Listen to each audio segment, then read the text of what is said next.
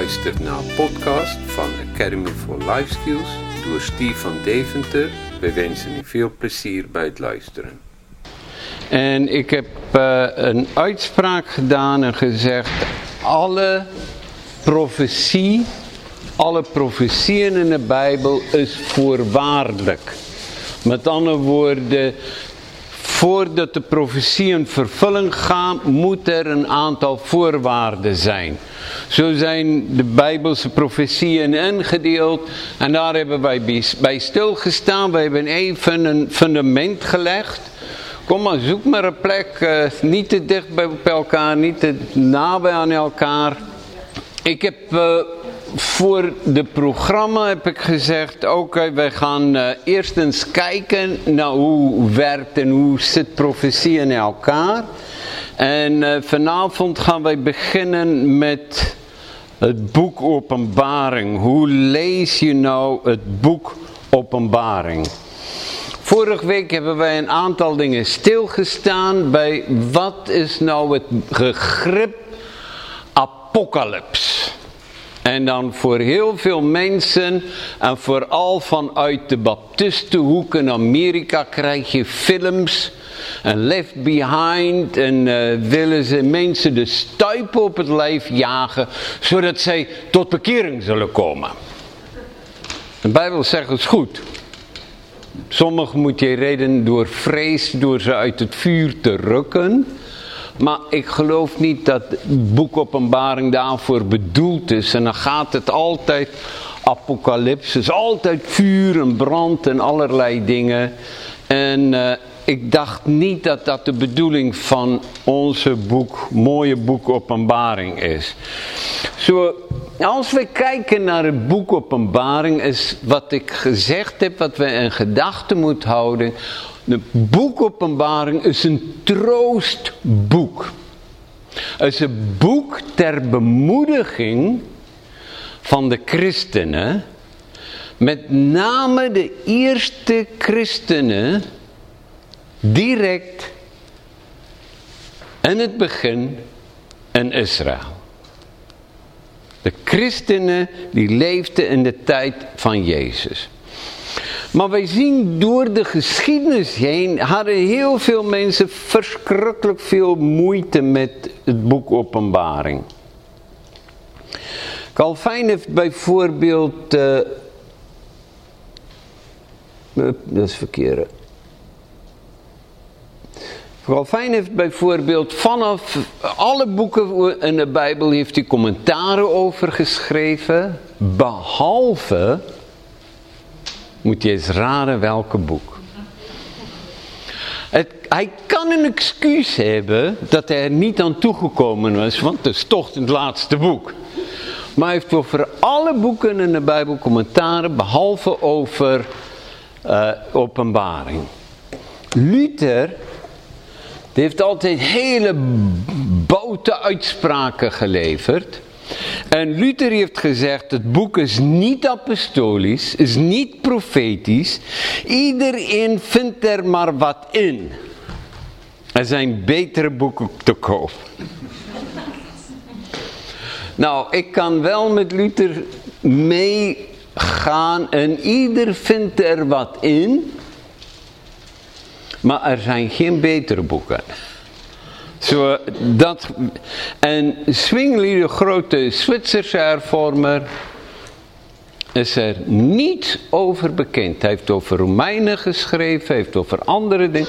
Hij heeft heel veel geschreven over de doop, over geestesgaven, over getuigen. Maar niet over het boek Openbaring. Zo, dat is maar in het verleden. En ik heb de vorige keer gezegd, Satan haat dit boek. Satan vindt het niet prettig om dit boek te lezen. Oh, daar gaan wij. Oké. Ik moet niet, ik moet de andere kant op drukken. Die werkt nou precies andersom. Maar het is heel belangrijk dat wij dat beseffen. Zo eigenlijk spint de, duivel garen bij de verdeeldheid die mensen hebben over het boek Openbaring. Satan zal je of proberen terug te houden uit vrees, of als je dan gaat, wil hij dat je doorslaan. Zoals wij over paardrijden praten, dan zal de Satan of je allerlei vrezen en angsten over paard in je hoofd praten. En zodra je op de rug zit, dan wil hij je overduwen dat je aan de andere kant weer afvallen. Zo, dan moet je dan dus rekening mee houden. En ik heb ook gezegd dat het de enige boek in de Bijbel is wat uitdrukkelijk zegt, als je het leest, wat gebeurt er? Dan wordt hij gezegend. Als je daarna luistert en het wordt voorgelezen, dan krijg je ook een zegen. Heb je dubbele zegen nodig? Lees openbaring hardop aan jezelf voor. Oké?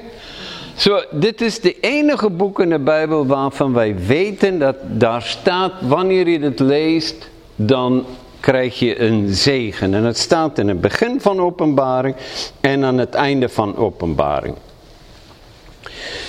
Binnen de interpretatie van boek openbaring zitten er vier hoofdtheologische stromingen. En ik denk dat het heel belangrijk is dat je dat weet. Eerstens is daar een stroom het idealisme. En het lezen van een boek openbaring door een idealistische uh, beeld is dat alles is symbolisch. Alles moet je allegorisch lezen.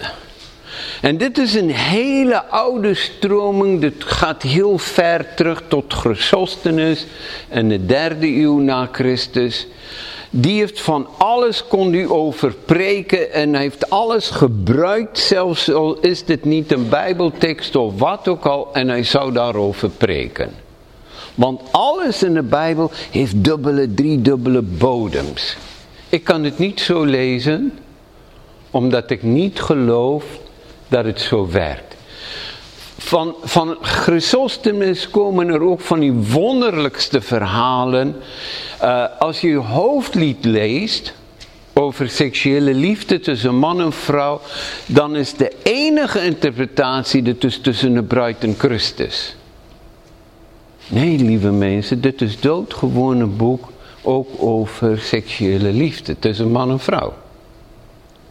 En, en dit, van, van komt ook die wonderlijke verhaal over een poort in Jeruzalem. Een kameel kan niet door de poort van een naald gaan, maar, maar daar was een poort in Jeruzalem dat als je op je kniekies kruipt, dan kan je door, doorheen. Wie kent dat verhaal? Wie heeft dat al ooit gehoord? Nou, wijdverbreid, bijzondere verhaal. Dus gewoon hoe kan ik het nou netjes zeggen? Uh, Jezus zegt daarvoor, en dat is waarom ik zeg, dit is gewoon verzonnen verhaal. Jezus zegt, het is onmogelijk om het koninkrijk van God binnen te gaan. Wie heeft de meeste gezag? Jezus of allerlei wonderlijke verhalen? Wat denkt u? Als Jezus zegt, oh Ruben, bedankt joh. Jij, jij, jij zal echt de beloning krijgen. Van, de Bijbel zegt, als iemand iemand anders zelfs een glas water geven omdat hij christen is, zal hij beloning krijgen. Zo. Maar Jezus zegt, het is onmogelijk voor een mens om het koninkrijk van God binnen te gaan. Zelfs al zul je alles afleggen, op je knieknies kruipen. Dit is onmogelijk. Als Jezus zegt iets is onmogelijk, dan is dit... Ik denk dat hij volledig gezag heeft, of niet? Eén autoriteit. Eén weten, hoe kom je het koninkrijk van God binnen? De discipelen waren verschrikkelijk verbaasd. Die zeiden, wie kan dan behouden worden? En dan zegt Jezus, ah, Wat voor de mens onmogelijk is, is mogelijk bij God. Toch? Wedergeboorte kan je niet voor jezelf organiseren. God kan het doen. En daarom zeg ik, dit zijn van die verhalen, die raken nog kant, nog wal, dat past niet in de hele betekenis daarvan.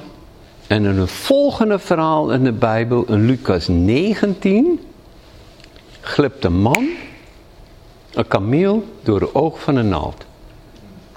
En een rijke man. Heel bijzonder. Maar goed, dat is alleen maar om je nieuwsgierig te maken.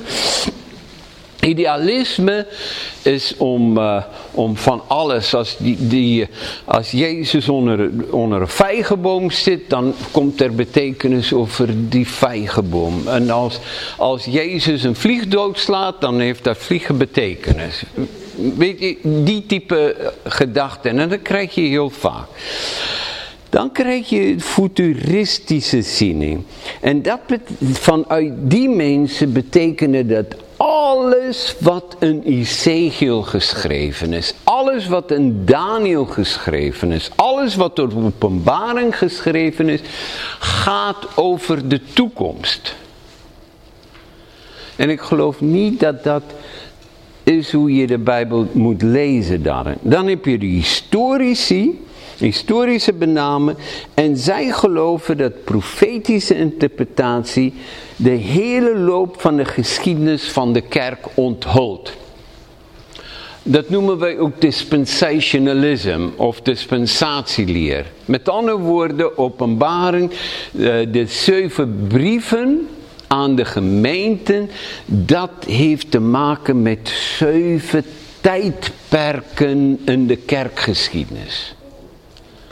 En dat moet u zo lezen ook.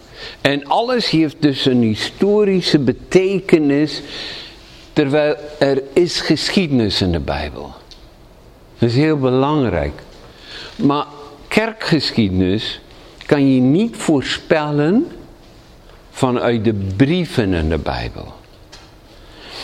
Dan heb je de preteristen en dit is dat alle profetieën zijn vervuld in Christus.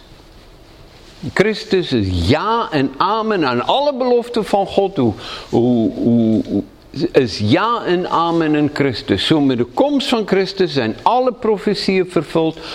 En wat je daarna leest over Israël betekent de geestelijke Israël en heeft alles heeft te maken met de kerk. Dat zijn de vier hoofdstromingen.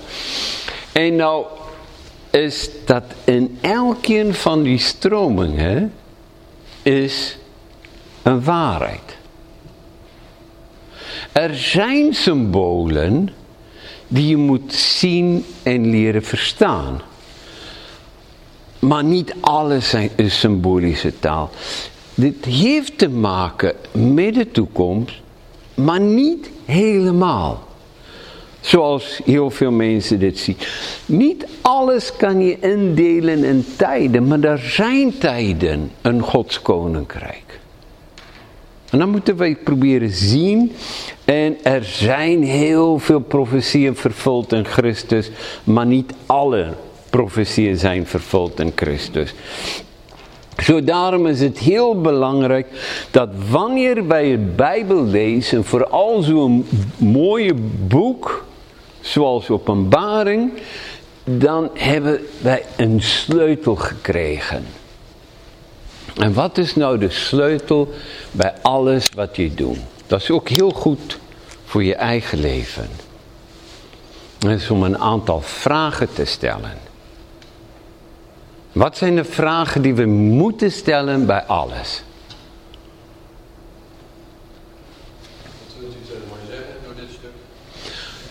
Ja, maar voordat niet alleen over het stuk, maar ook over het leven is. Wat, wie, waar, hoe, waarom.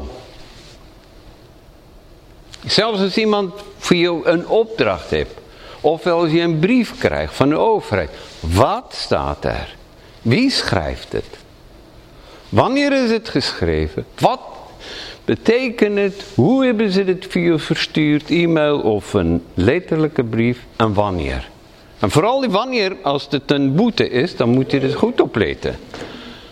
Zo, bij alles in het leven geloof ik dat het heel belangrijk is. Ook om je bediening voor God uit te oefenen. Want de duivel gaan zijn best proberen om je af te leiden. En altijd de vraag, moet ik dat doen?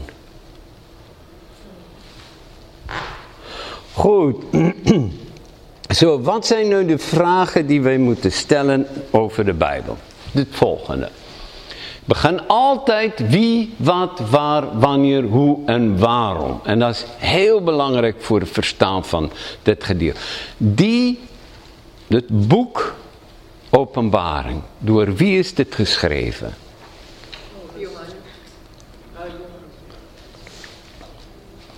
Paulus dit geschreven? Heeft Jezus dit geschreven? Nee, Johannes. En dan moeten we vragen, wat weten wij van Johannes? Wat geeft de boek zelf aan? En het is, ik wil het vergelijken met als ik zeg, joh, ik heb een standbeeld gezien van een paard met een ruiter op de paard. Dan kan het van alles betekenen.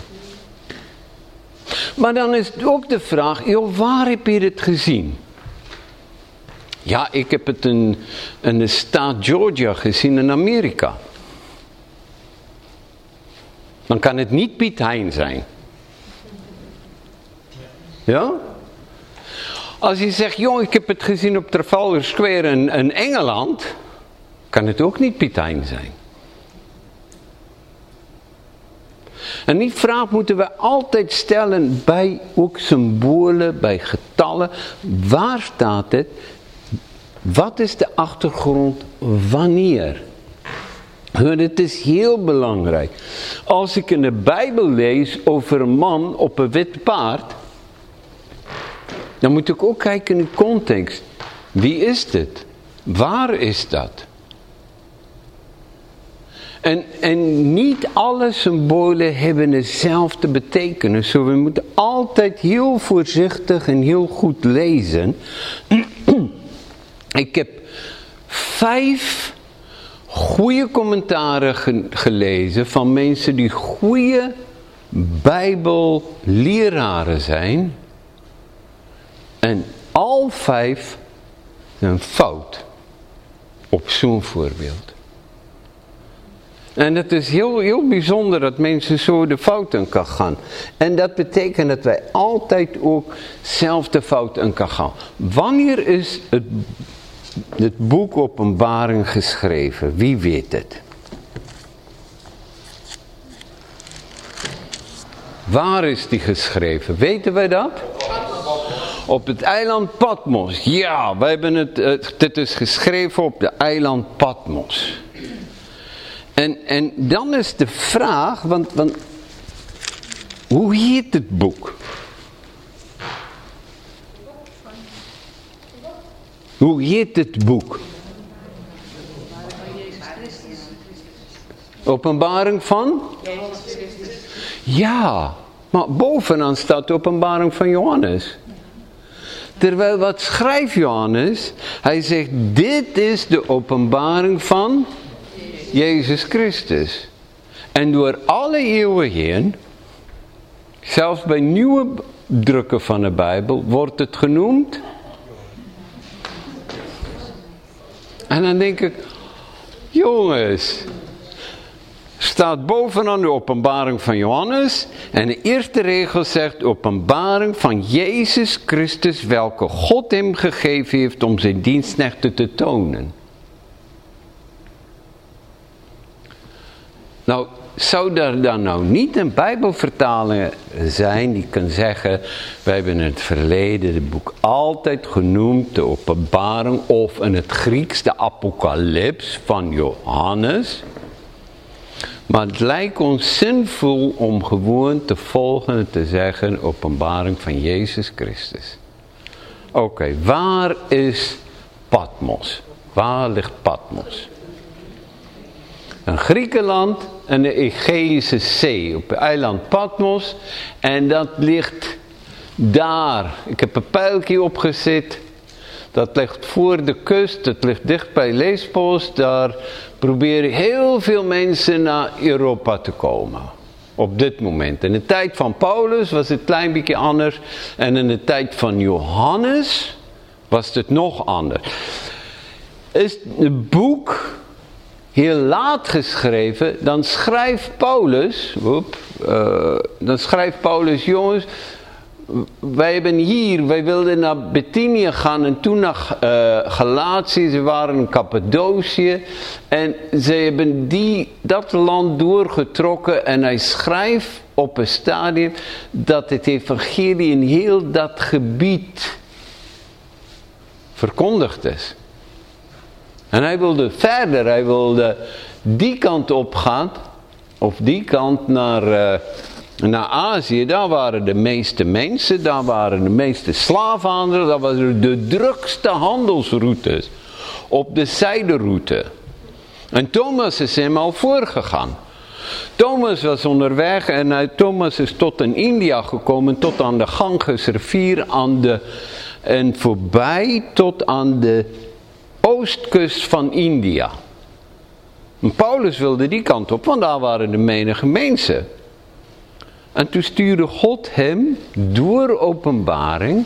En hij zegt, steek over naar Macedonië. En toen kwam er in een nieuw, zo Phoenix wijk wat uh, vanuit Rome georganiseerd was om de lastige generaals in Rome, die heel veel gewonnen hebben, één kant te zetten dat ze zich niet bemoeien met uh, de politiek in Rome. Zo die werden allemaal daar gedumpt.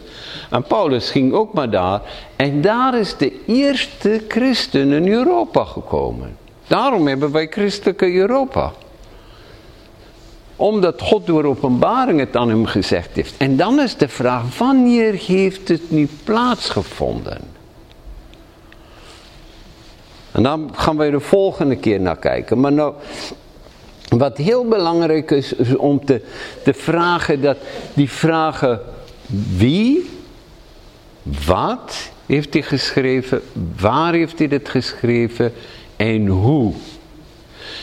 En wat was de nationaliteit van Johannes?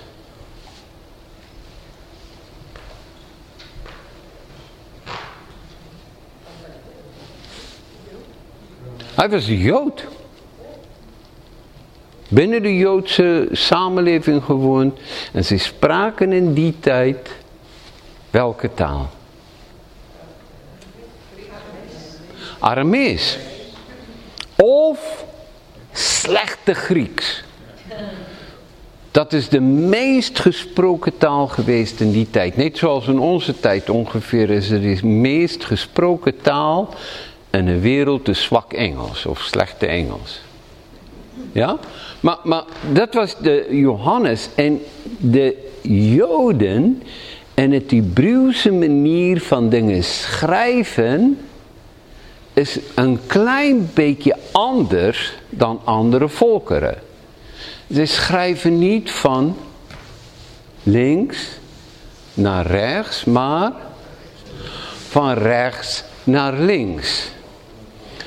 Als wij rijmpjes maken, dan rijmen wij op de laatste, op het eind van de woorden. Ja? Ik zat te denken wat de Sint zal schenken. Het Hebreeuwse manier van rijmen, hoe werkt dat? Dat heeft te maken met het begin van een woord. En zij rangschikken de woorden op het beginklank aan de voorkant van woorden. Dan kun je zien als je Psalm 19 gaat lezen. Een hele lange stuk die wij als westerlingen moeilijk in het hoofd kunnen krijgen. Omdat wij dit niet snappen. En zij weten, zij eerste strofe is A, tweede strofe begint op, op, met de B, derde strofe begint op, met de Gimel en dan de Dalet en zo gaat het door. Heel eenvoudige manier. En hun manier om dingen over te brengen is daar een zekere schrijfstijl. En het is anders dan ons manier van schrijven. En dat heeft te maken met de chiasme. En hoe werkt nou een chiasme? Een chiastische structuur in het Hebreeuws begint met de, een gedachte. Dan wordt er een gedachte herhaald. Bijna dezelfde of aangevuld. En dan komt er nog een. En dan krijg je het belangrijkste gedeelte. En dan krijg je bijna hetzelfde met dezelfde elementen als een C. En dan krijg je weer een met dezelfde elementen, een B. En dan eindig je weer met waarmee je begonnen bent. Bijna een cirkelredenatie. Wat die begin beklemtoont of het belangrijkste reden genoemd worden. En dan eindigt het weer met waarmee je in het begin begon. Kan je ook zien in, in Psalm 23. Maar ik wil je wijzen ook dat Jezus dat gebruikt heeft. En dat is een hele interessante. En dan ga je herkennen waarom wij sommige dingen missen. Heel eenvoudige uh, gedeelte uit Matthäus hoofdstuk 7 vers 6. Daar staat, geef het heilige niet aan de honden en werp je parelen niet voor de zwijnen. Opdat zij niet die vertrappen met hun poten en zich omkerende u verscheuren. Wie heeft al dat gedeelte gehoord? Wie kent het gedeelte? Maar dit is niet zo'n eenvoudige gedeelte, omdat in het wij als westerlingen, die verdwalen daarin. Dan zie je twee dingen die bij elkaar horen. Het heilige, niet aan de honden. Die passen bij elkaar. Werp je palen niet voor de zwijnen, opdat zij die niet vertrappen met hun poten en zich omkeren u verscheuren. Als wij dit lezen, dan denken oh die wilde zwijnen, die gaan je bijten. Dus hoe wij dit lezen. Top toch? Maar dit is niet hoe, wat daar staat. Want wij zien hier A. Azen is heilige en honden. Dat zijn twee dingen die in het Hebreeuwse gebruik of in het Oosterse voor een moslim of voor een jood niet bij elkaar komen. Niet in de tijd van Jezus. Want honden was niet een geliefde troetelduur. Honden was een scheldwoord. Heilig en honden die kwamen niet bij elkaar. En parelen en zwijnen niet. En dan komt hier dit ommekeer, zodat die niet vertrappen. Wie zal kostbaarheden vertrappen? De zwijnen. Welke dier bijt en kan vals omkeren en bijten? Honden die op straat lopen.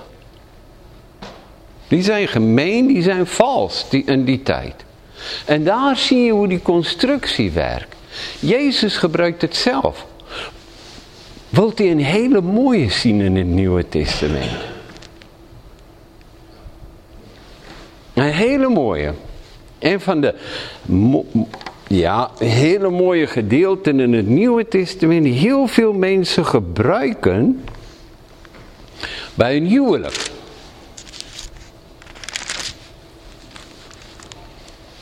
Welke gedeelte wordt vaak gelezen bij een huwelijk? 1 Corinthiërs hoofdstuk 13. Over de liefde. Oh, moet je eens kijken. Oh, als, als ik met tongen van mensen en engelen sprak, maar geen liefde had, dat is A. En dan ga je verder. En dan zegt hij, hij begint met eigenlijk een, een, een vers 12 vanaf vers 31. En dan zie je dat ons tekstendeling niet, uh, niet zo goed past. Hij streeft, streef naar de hoogste gave en ik wijs je weg die nog veel verder omhoog gaat. En dan komt, dat is A. Dan kom je in B, spreek een tongentaal en allerlei zulke dingen. En dan loopt het door en hij zegt, in C, waar kom je, maar wat is de liefde? Liefde, en dan geeft hij allerlei beschrijvingen van liefde. En dan komt een D, komt het weer naar voren en dan gaat hij terug. Dan zegt hij, liefde vergaat nimmer meer, maar profetieën, zij zullen afgedaan worden. Heeft hij over profetieën gesproken? Ja. Hij zei, al sprak ik een tongentaal, al laat ik profetische gaven, vers 2. En dan zie je, dan komt profetieën en een tongentaal, profetieën en een tongentaal en een andere volgorde weer voor een vers 8. Sprak u over kennis en dat is het niet. En dan zegt hij, als ik mijn lichaam gaf om verbrand te worden, dan had het volmaakte liefde, dat, dat lukt niet. En dan eindigt dit ik ga het niet helemaal uitleggen. Weer met geloof, hoop en liefde. Ga nou maar eens thuis. En dan onderstreep je die woorden die hetzelfde is met dezelfde kleurtje. Zo door de rijen heen. En dan ga je zien dat Paulus heeft het als een chiasme geschreven. En een, een gelaten heeft er ook een aantal wat voorkomt. En op andere plekken. Johannes was daar ook lief voor. En Johannes haalt zulke dingen aan. Je ziet dat hij zijn begin van zijn schrijven altijd begint met of een lied of met een aanhaling van iets wat iedereen kent. Johannes evangelie dan zegt hij, in het begin was het woord. En het woord was bij God. En het woord was zelf God. Hij was in het begin bij God. Alle dingen is door hem geworden. En zonder hem is geen ding geworden dat geworden is. En het begin was het licht. En hij neemt een stukje van een oud lied waar een chiasme in zit. En zo begint hij te schrijven van het Johannes evangelie. Dat vindt u ook terug in de eerste Johannesbrief. Hij doet de groeten en hij zegt alles wat wij gezien hebben, alles wat wij aanschouwd hebben, wat wij met onze handen aangeraakt hebben, wat wij meegemaakt hebben met Christus, dat verkondigen wij jullie, opdat jullie gemeenschap met ons kan hebben. En hij zegt in ons gemeenschap, en dan krijg je weer een cirkel, is met de Vader en met de Geest. En, en zo bouwt hij het elke keer. En dan moet je niet verbaasd zijn dat als die alles meegemaakt heeft, dat we ook een chiasme, een openbaring krijgen. En dan ga ik het even, de grote lijnen aan jou proberen door te geven. Goed, laten wij daarnaar kijken.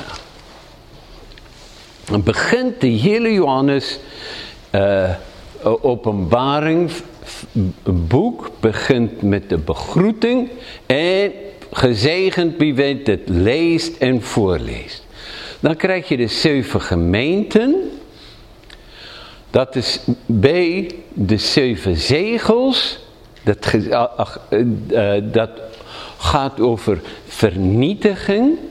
Dan krijg je zeven bazuinen, een engel, twee getuigenissen. En dan krijg je het belangrijkste gedeelte, de vrouw die geboorte geeft van een mannelijke kind. En de duivel komt met strijd en probeert die vrouw en het kind te roven. En de aarde komt hem tegemoet en de aarde breekt open en slurpt alle water op. En hij werd weggevoerd naar een veilige plaats. Dan wordt dat is centrum van alles. En dan gaat het weer terug. En dan krijg je heel bijzondere. Hier heb je zeven bazuinen. D, een engel, twee getuigenissen, twee beesten, een engel en zeven schalen. Dan krijg je na dit de verwoesting van Babylon. Dan krijg je de zeven gemeenten. Openbaring van de bruid. Bruid van, getrouwd met de gemeenten. En de epiloog, de einde en het begin, is een groet en een belofte van zegen. Dat is een, een notendop. Dat is heel snel een grote indeling volgens de structuur wat de Jood, Johannes, gebruikt wat overal in het Oude Testament begraven liggen in de schatten van het Hebreeuws. En lieve mensen, ik weet het niet, maar, maar wij moeten echt onszelf trainen.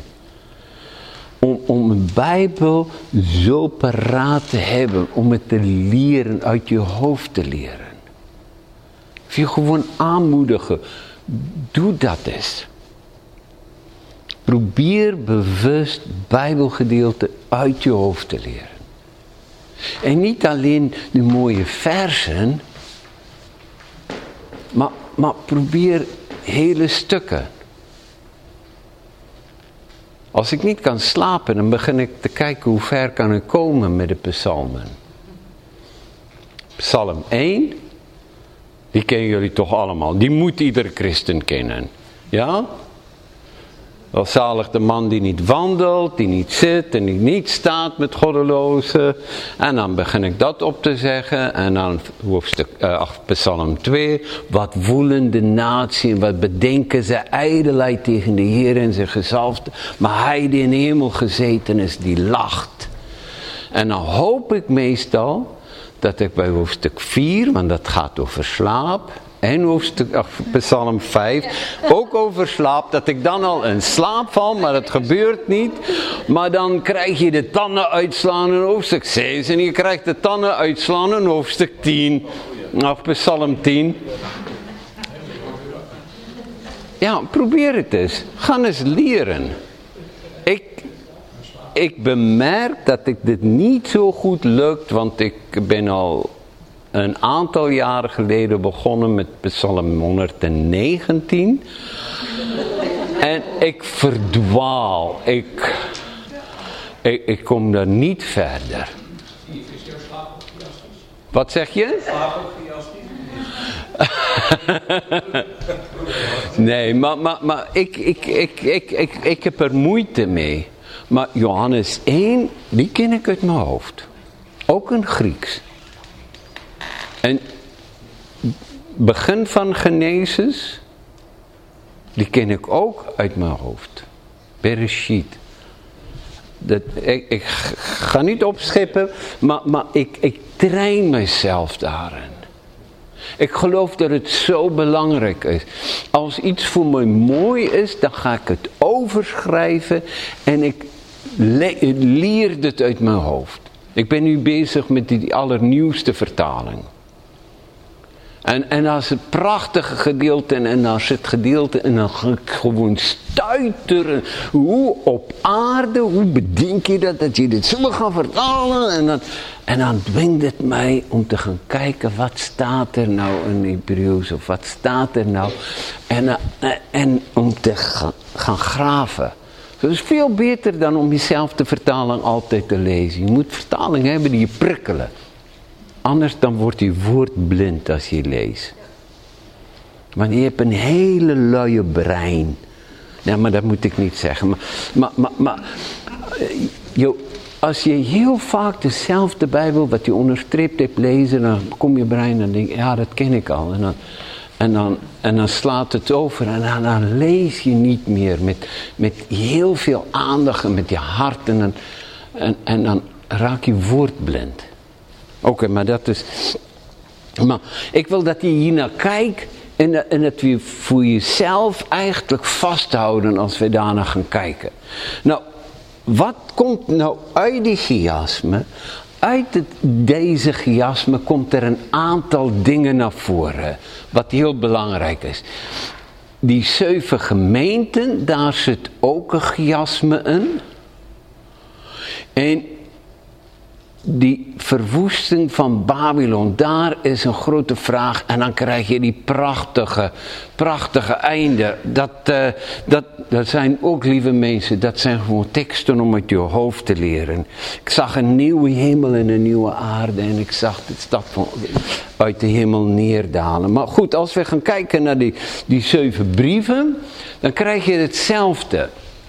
Eigenlijk zitten ze zo in elkaar. Efeze begint, brief van Efeze. En dezelfde elementen wat er zit in Efeze komt terug bij Laodicea. Smyrna en Philadelphia heeft uh, twee eh, heeft overeenkomsten en Pergamum en Sardes. En bij Thyatire, dat is de belangrijkste en de langste brief, komt er een omslag. Heel frappant. Tot daar zegt het, wie oren heeft, die horen wat de geest tot de gemeente zegt. Wie overwint, zal God dit en dit geven. Vanaf Thyatire keert het om het einde. En het zegt, wie overwint, ontvangt dit en het ontvangt dat. En wie oren heeft, hoor wat de geest door de gemeente zegt. Dan komt er een omslag in, die, in de verhalen. En, en het is heel belangrijk om dat te zien. Want, want, want wat wij kunnen doen vanavond is, is dat wij een aantal dingen moeten moet aanstippen om, om voor ons te pakken bij het lezen.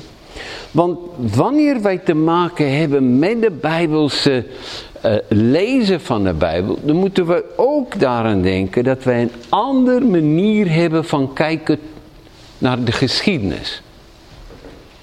Als wat ze vroeger hadden. Voor meeste van ons is geschiedenis een lijn met datums. Daar begint het en toen is het klaar en toen dat en toen dat en toen dat. En dat komt vanuit ons westerse denken. Het Joodse beleving van geschiedenis is totaal anders.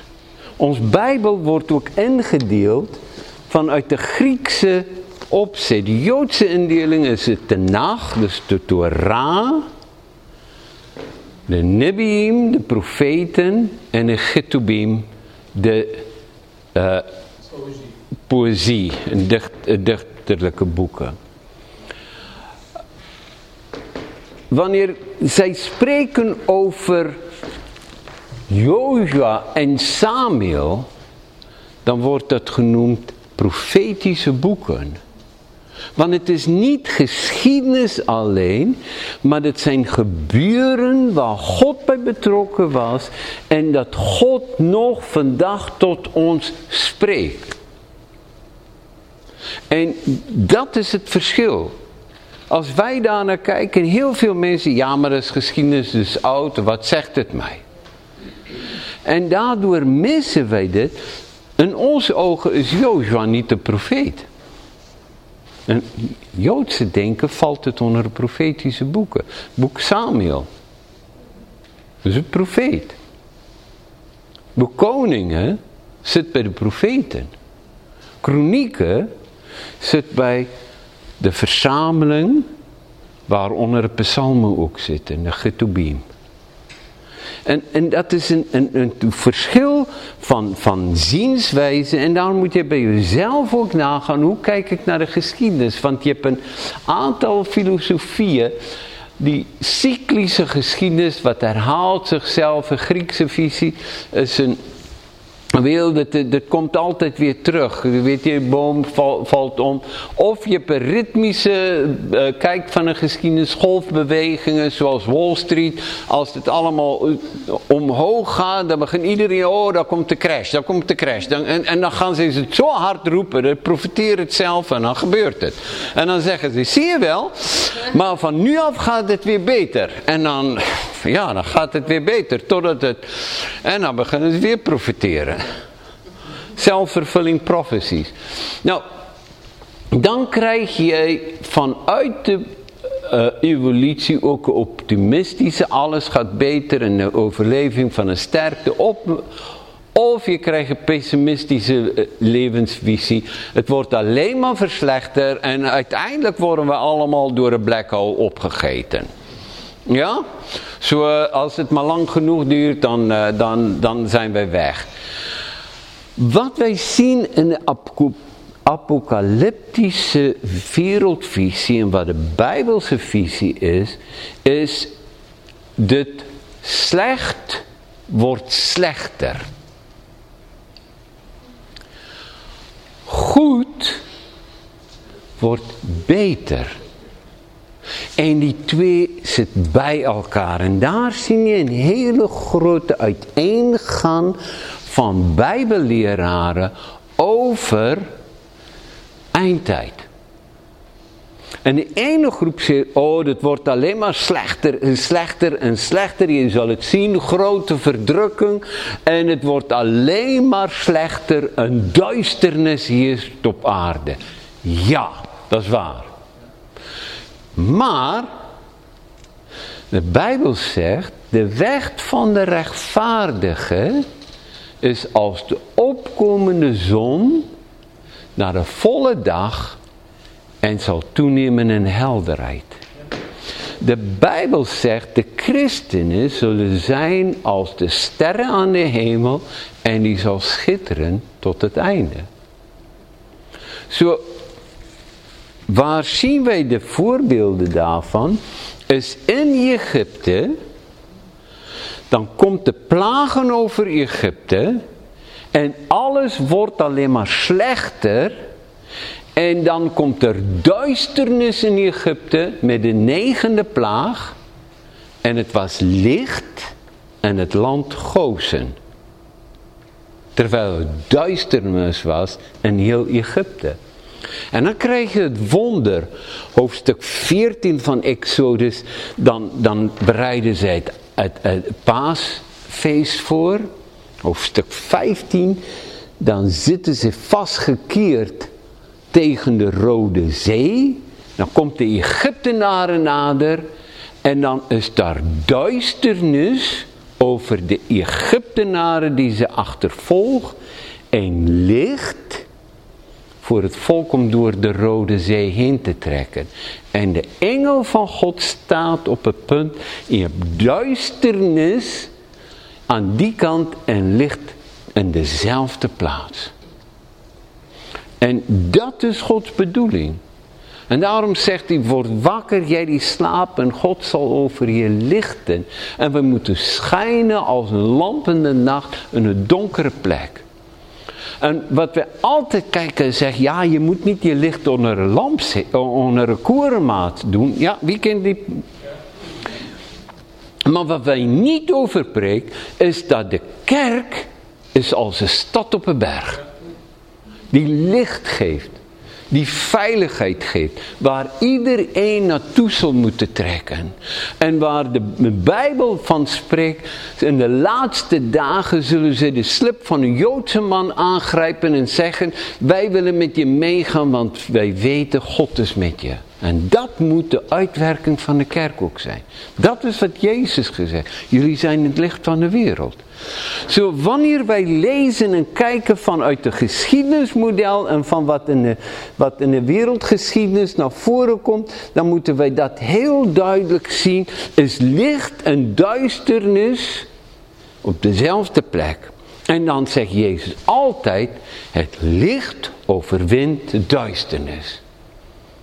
Weet je, dat, ik, ik vind het zo frappant. Ik, ik groeide op in, in Zuid-Afrika, op de boerderij waar wij waren. De, dicht, de, de, de straatlampen, het dichtste bij, was 50 kilometer van ons huis vandaan. Op de boerderij. Zo, wij hadden geen licht. Maar als we een, je hoeft maar een, een kaars aan te steken in het huis en het licht scheen en je kon het 5 naar 10 kilometer ver zien. Het licht scheen naar buiten. Ik heb het nog nooit meegemaakt dat weer het licht aandeed en dat hij zag hoe de duisternis van buiten naar binnen scheen. Maar licht verdrijft de duisternis. En je moet je voorstellen, als de, de hele zaal of de onderste zaal een diepe duister was, helemaal pikzwart. Over maar zo'n kleine vuurvliegje binnen te komen en als die daar boven gaan ronddraaien, rondvliegen, wat gebeurt in de zaal? Alle ogen is daarop gelicht. En dat is wat God met jou bedoelt. Je bent het licht van de wereld. En de kerk is een stad op een berg. Als je ergens komt, op straat, waar je ook bent, verspreid je licht. En dat moet je weten. En dat is wat je bent. Je bent er gesteld om lichtdrager te zijn. Een gekroonde lichtdrager. In de wereld. En, het boek Openbaring geeft dat weer als troost. Dan is daar het tweede wat heel belangrijk is in de Bijbelse zin. Geschiedenis gebeurt niet zomaar. Elk mens heeft een morele verantwoordelijkheid voor zichzelf en de wereld. De mens bepaalt mede zijn bestemming en kenmerkend is de symbolische boeken openbaring. Dat is heel duidelijk, maar, maar de mens bepaalt zijn bestemming. En dat is van vroeg af. Je bent niet slachtoffer. Dat is geen karma. Dit is niet noodlot. Zoals in andere. Maar jij door je keuzes besta kan kiezen tussen leven en dood. En het aller, allereerste, zelfs de eerste moordenaar in de Bijbel, Kain, hoofdstuk 4 van Genesis. Dan zegt God, waarom kijk je zo naar beneden? Waarom is je gelaat betrokken? Met andere woorden, waarom ben je down en waarom ben je depressief? Weet je niet dat als je je hoofd opheft, dat er mogelijkheden zijn voor jou? En dan zegt God, de zonde ligt op de loer voor je. En zijn begeerte gaan naar jou uit maar jij moet erover heersen. Vers, vers 7 van, van hoofdstuk 4. Wat is je gelaten naar beneden? Je mag je gelaat opheffen indien je goed handelt. Maar indien je niet zo handelt, de zonde ligt als een belager, als een vijand aan de deur. Ze begeert te gaan naar je uit en jij moet erover heersen. Zo, zelfs in het Oude Testament. Zelfs vanaf het allereerste begin. Het tweede zonde, een doodzonde in de Bijbel. En God zegt, jij kan er overheersen en je eigen toekomst bepalen. Dat is wat anders dan gereformeerde theologie. En zonde ben je geboren en ontvangen. Je kan niets anders en je bent slachtoffer van de zonde. Je bent wel geboren met de groep op erfzonde en dingen. Maar je bent niet slachtoffer. God heeft je geschapen om te heersen over de zonde. En door Christus is dat het doel en de taak van de kerk. Oké, goed. Gaan we nu verder kijken. Dan, dan zie je dat wat wij hebben is een hele aantal dingen. Slang, draak, leeuw, andere dingen. En binnen de Bijbel komt dit woord zevenmaal, binnen die, die context van openbaren, komt het woord zeven 54 maal voor. Dat is, dat is heel veel. Oké, laten we kijken. Wat zijn nou de sleutels als we dit lezen? Laten we beginnen in hoofdstuk 1. Dan zegt Jezus, ik ben het die is en die was en die komt.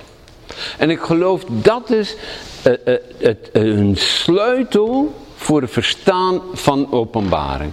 Hij zegt het weer. Schrijf op wat je gezien hebt in vers 19. En wat er nu is en wat hierna zal gebeuren. En dan herhaal hij dit. Wat is, wat was en wat komt. Met andere woorden, Jezus zelf zegt aan Johannes, ik geef jou een sleutel voor alles wat nu gaat gebeuren. Ik plaats je middenin dat je kan beschrijven wat is, dat je kan zien wat was en wat komt. En dit is heel belangrijk om dat te pakken. Om, om, om, om te zien dat dit de sleutel is voor openbaring. Dit, dit zijn hele belangrijke. Gaan wij dan kijken naar, naar die hoofdstukken. En wij lezen verder in hoofdstuk 1. Dan zien we hoofdstukken 1 tot en 3. Dan is zij op de aarde. Hij heeft een enorme ontmoeting met Jezus. En, en, en dit, lieve mensen, frappeert mij. Wie was de discipel die Jezus lief had? Johannes. Waar was Johannes? Hij was altijd dicht bij Jezus. Petrus zegt dat hij moet vragen aan Jezus, wie is dit? Want hij weet dat Jezus het aan Johannes zou vertellen, wat hij niet aan anderen zou vertellen. Zo Johannes kende hem. Hij kende hem door en door. Wat, wat mij altijd zo aanspreekt is, is wanneer Jezus opstond uit de doden. Dan schrijft Johannes evangelie dat Maria kwam en ze vertelde dat, dat ze hebben Jezus gezien en ze renden naar het graf dat het graf eh, open is. En ze renden naar het graf en Petrus rende. En dan zegt hij, die andere discipel was sneller. Zo Johannes was jonger en sneller en was voor Petrus, was bij het graf. En hij zegt, hij ging niet naar binnen. En Petrus kwam brrr, en hij ging naar binnen. En dan zegt Johannes iets heel merkwaardigs. Hij zegt, hij zag die doek wat over het hoofd was. Aan één kant opgevouwen en op een andere plaats gezet. En, en onmiddellijk dacht ik, hey, de eerste keer dat ik het zag, weet je, als je met iemand samenleeft, dan weet je hoe ze dingen doen. Ik heb op een zekere manier, heb ik, ik had altijd hooikoorts en ik groeide op in een tijd dat er geen... Uh, waar wij woonden waren niet papieren zakdoekjes. Of tissues. Kleenex was niet dichtbij. En als je zwaar hooikoorts hebt, heb ik een manier gevonden om een zakdoek te gebruiken en hem altijd goed op te vouwen en dicht te vouwen. Zuid-Afrika is warm, zodat het kan opdrogen. Maar dat ik nooit met mijn vingers Jullie weten, maar, maar je moet zeker maken. Zo, ik was altijd bezig aan, toen ik vertrok uit mijn eerste gemeente, of een tweede gemeente als predikant, toen gingen drie personen mij nadoen hoe ik altijd op een kansel mijn zakdoek dichtvouwde. Ze herkenden mij daaraan. Maar Johannes herkende Jezus aan de manier waarop die hoofddoek opgevouwen was. Zij droegen het altijd in het Midden-Oosten. Je ziet de Arabische landen, in Afghanistan kwam ik geregeld, daar hebben ze ook zo'n zo'n doek om een, en dat gebruiken ze om gezicht af te vegen, gebruiken ze voor allerlei dingen. Maar het was ook zo in de tijd van Jezus. Soms is het de schaduw, soms is het de kussen, soms is het de zweedoek en ook een zakdoek. Maar de manier, Johannes herkende het, hij kende Jezus door en door. Dat toen hij dat zag, toen geloofde hij, staat er. Je moet het gaan lezen, einde van Johannes evangelie. Wat zegt u? Maar nou, hij kende Jezus. En dan, en dan zie je een openbaring. Dan staat er Dat hij zegt vanaf vers 9. Johannes, uw broer en deelgenoot en de verdrukking en een koninkrijk en een volharding. En Jezus was op het land, land, eiland genaamd Patmos om het woord van God en de getuigenis van Jezus. Vers 10. Ah, dan hebben de vertalers ook weer zo moeite. Dan staat in 51 vertaal, ik kwam een vervoering van geest. Nieuwe vertalingen schrijven een geestvervoering. Dat is een leugen. Wat er in het Griek staat, is ik was in de geest. Wat betekent het om in de geest te zijn? Herken je dit als je bezig bent om te aanbidden of wat ook al en ineens is dit alsof je niet meer bewust is van je omgeving, maar je bent door de geest aangeraakt. Je weet het, je voelt het. Soms is het bij, bij bediening of spreken van het woord, eh, dat ineens, dan denk ik, wauw, dit is goed wat ik nu zeg. Dat moet ik opschrijven, want ik weet het is niet uit mezelf. Dit is wat Paul, uh, Peter, uh, Johannes ervaarde. En hij zegt, ik hoorde stem. Was die een geestvervoering? Hij, hij zegt, nee, ik viel als dood neer. Was die helemaal bewusteloos? Nee, hij zegt, hij strekte zijn rechterhand uit en hij raakte me aan. Heel veel van mensen, als er voor ze gebeden worden, dan zijn ze even helemaal van de kaart of ze vallen neer.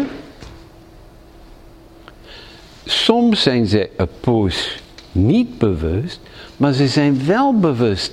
Er zijn mensen om ze heen of wat ook al.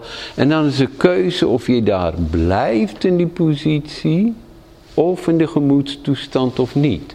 Herkennen jullie dat? Mensen vragen zo, ja, maar, maar wat gebeurt er nu? Valt iemand om? Is dit, ja, nou, is Psalm 23.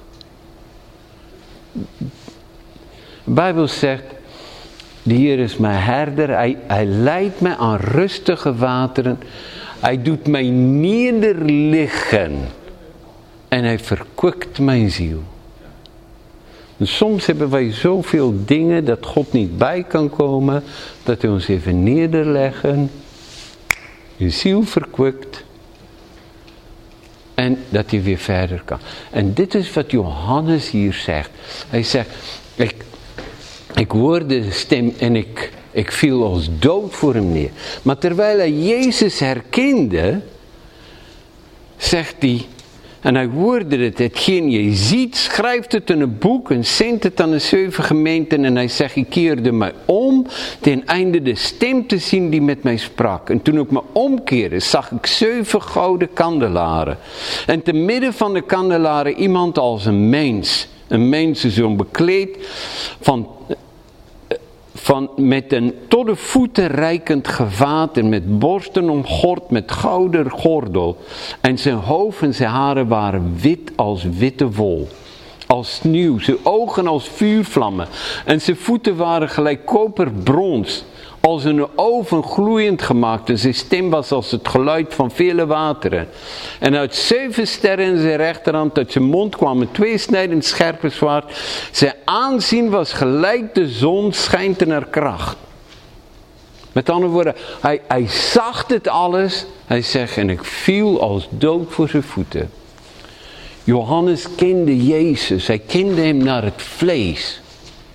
Maar hij kende hem niet en de volle glorie van zijn koninklijke gezag als God.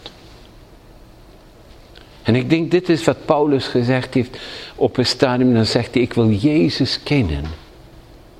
En ik wil hem kennen in zijn opstandingskracht. En ik, ik, ik, ik gooi alles weg en ik beschouw het als drek. Om, om hem te kennen en gelijk te worden aan zijn opstanding. Ik, ik geloof dat het is iets daarvan. van Johannes had een, hier een openbaring van Jezus zoals nog nooit eerder. Terwijl hij hem kende door en door als beste vriend, als degene die, van, die Jezus lief had. En datzelfde proces gebeurt dan. Johannes ziet dit en hij, en hij ziet wat is. En dan is daar de keuze. En de keuze wordt gegeven aan de kerken. En ik geloof dat het is een oproep aan alle kerken overal in de wereld. Dit is een schrijven aan de zeven hoofdkerken in Azië. En, en, en dit is een beeld daarvan. En dan begint Johannes en dan is die weer in de geest op de dag des Heren, hoofdstuk 4. Hij zegt, en ik was in de geest op de dag des Heren. Met andere woorden, hij was aan het bidden. Hij was bezig en hij, de aanwezigheid van God was daar. Hij was niet in een bezwijming. Hij was niet in een trance. Hij had niet een visioen. En hij hoorde een stem. Klim op hierin. En hij keek en er was een open deur in de hemel. En het volgende moment was in de troonzaal van God.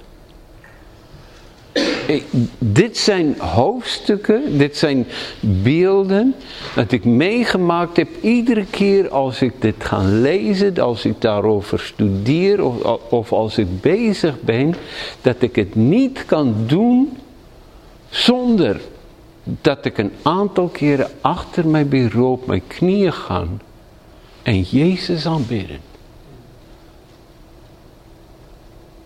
Want dit, lieve mensen, is eigenlijk de uitnodiging van God. Hij zit op zijn troon en dan zie je God op de troon en het lam draagt het oordeel. En het lam van God breekt de zegels. En dan is de vraag, want Jezus staat in de hemel. En wat is het beeld wat Johannes kreeg?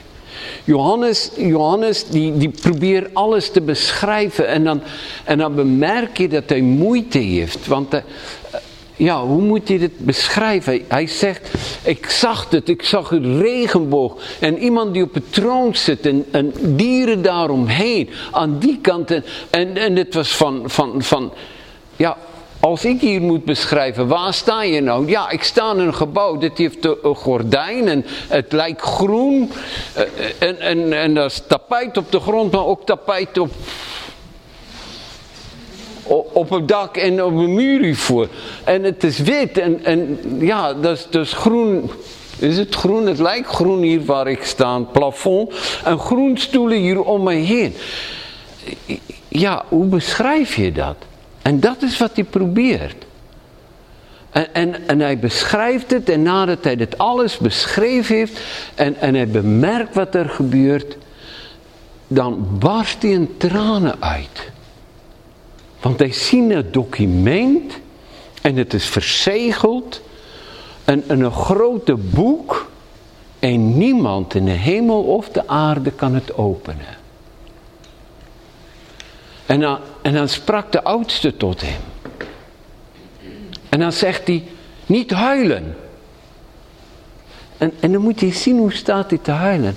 Hij zegt, ik weende vreselijk. Heb je al iemand gehoord zeggen, er is geen tranen in de hemel? Johannes staat te janken voor Gods troon.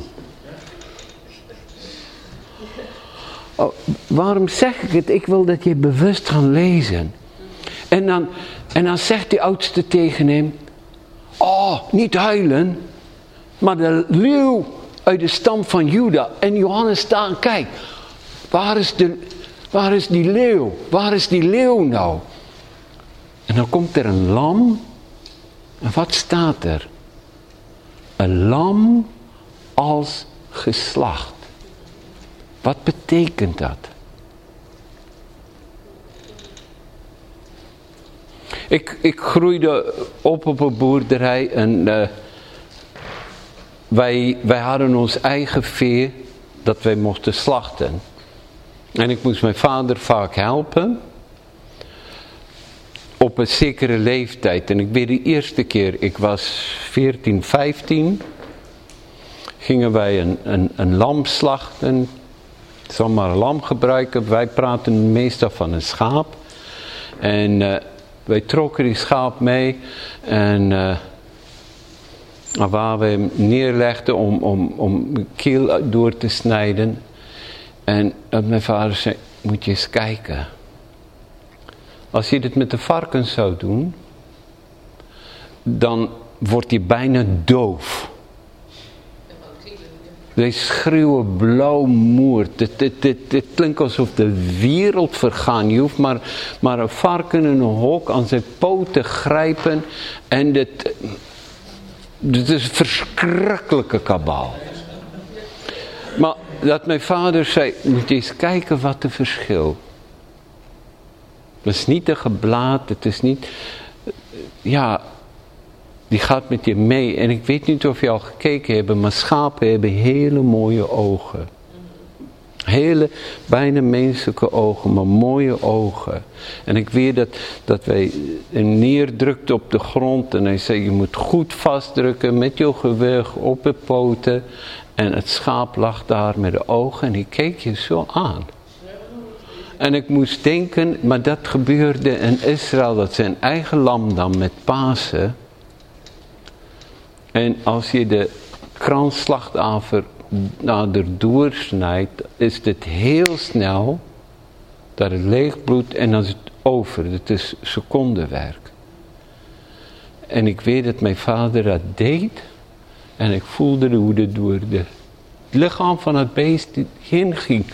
En mijn ogen schoten vol tranen. En ik keek naar, naar hem. En ik zag zijn ogen vol tranen. En, en hij zei, ik win er nooit aan. Ik kan er nooit aan wenen. En, en ik zag dat gebeuren en we hadden een, een, een kom om, om het bloed op te vangen. Maar dat is het beeld in de hemel.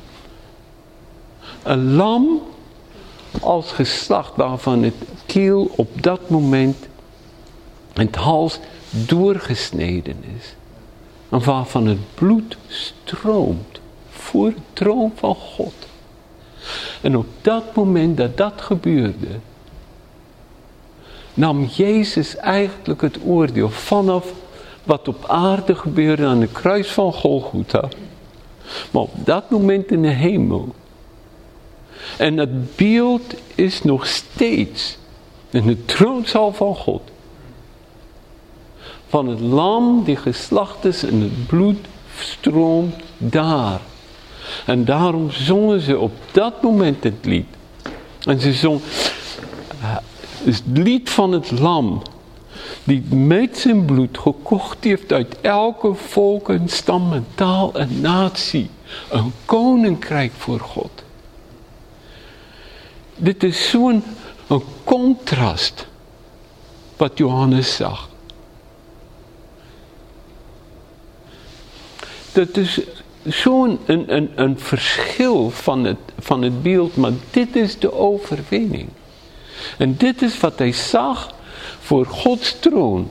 En dat is op dat moment wat was. Het volledige offer, prijs is betaald. Het stroomt nog steeds voor de troon. Het bloed als getuigenis dat het oordeel voldwongen was. En dat is het boodschap in het begin. Johannes stond in de troonzaal van God en hij zag het voor hem gebeuren. En dan, als het oordeel plaatsvond in Jezus, een volledige oordeel. Niet alleen op aarde waar hij onze zonde gedragen heeft, maar ook voor de troon van God het bloed gebracht heeft dan breekt hij de zegels open. En, en, en ik, ik geloof dat wij, dat wij dit moeten zien. En dat die, wij, wij, hoofdstuk 4 en hoofdstuk 5 zijn hoofdstukken om bij, bij stil te gaan staan. Te zeggen, Heer, ik wil binnenkomen en ik wil, ik wil het zien. Hebreeën hoofdstuk 10 vers 19 zegt, laten wij dan met vrijmoedigheid toegaan tot de troon van God. Niet volgens het oude, maar langs de nieuwe weg. Door zijn vlees die hij voor ons bereid heeft. Daar is onze positie. Daar mogen wij komen. Wij moeten eigenlijk moeten wij die twee hoofdstukken nemen en, en, en, en, en ons eigen maken. Dat hij, dat hij dit kan zien, dat hij, dat hij hem kan zien in de glans van, van diamanten rondom zijn troon. Dit is, als, als een diamant in de zon is, of zelfs een stukje glas, dan zie je de weerkaatsing en de kleuren van de, van de regenboog. Maar rondom zijn troon is dat de glans die van hem uitgaat en, en er is een regenboog. En dan krijg je die dieren. En dat is, dat is een beeld van wat uit het Oude Testament kwam, van, van een stier en een, een adelaar en een mens en een gezicht van een, uh, van, uh, van een leeuw. Maar dat is wat, wat gebeurt in Johannes, loopt die realiteit binnen. Niet in een visioen, niet een, een, een, een, een geestesvervoering. Want de huilse emotie staat bol van. En hij wordt gemaand om te schrijven. Schrijf dit. Wat hij zien. En wat hij meemaakt op. En dit maakt openbaring anders dan alle andere boeken in de Bijbel. En daarom is het zo belangrijk dat wij dit niet alleen lezen, niet alleen kennis nemen, maar dat, dat het eigenlijk deel wordt van je geest. Van waar ik ook ben. Daar is de aanbidding rondom de troon. Waar ik ook ben, elk moment kan ik de stem horen in mijn geest. Kom op hierheen. Of kan ik het moment meemaken dat hij zegt nu. En dat ik daarheen kan gaan. En je zal niet de eerste zijn die dat meemaakt. Je zal ook niet de laatste. Totdat de volle openbaring komt van wie Jezus is in een volle gestalte. Ik denk dat wij het hierbij moeten laten. Maar het lam draagt het oordeel. Voor mij en jou. En omdat hij geoordeeld wordt, komen wij niet in het oordeel. Vader, ik bid dat dat u ons een geest van openbaring en wijsheid zal geven. Verlicht de ogen van ons hart. Dat wanneer wij lezen en wanneer wij dit bestuderen. Dat u zal spreken tot ons geest. Dat u ons verstand zal openrekken. En dat u visioenen zal leggen. En beelden van uw troon zal. En ons ziel en ons verstand. Amen.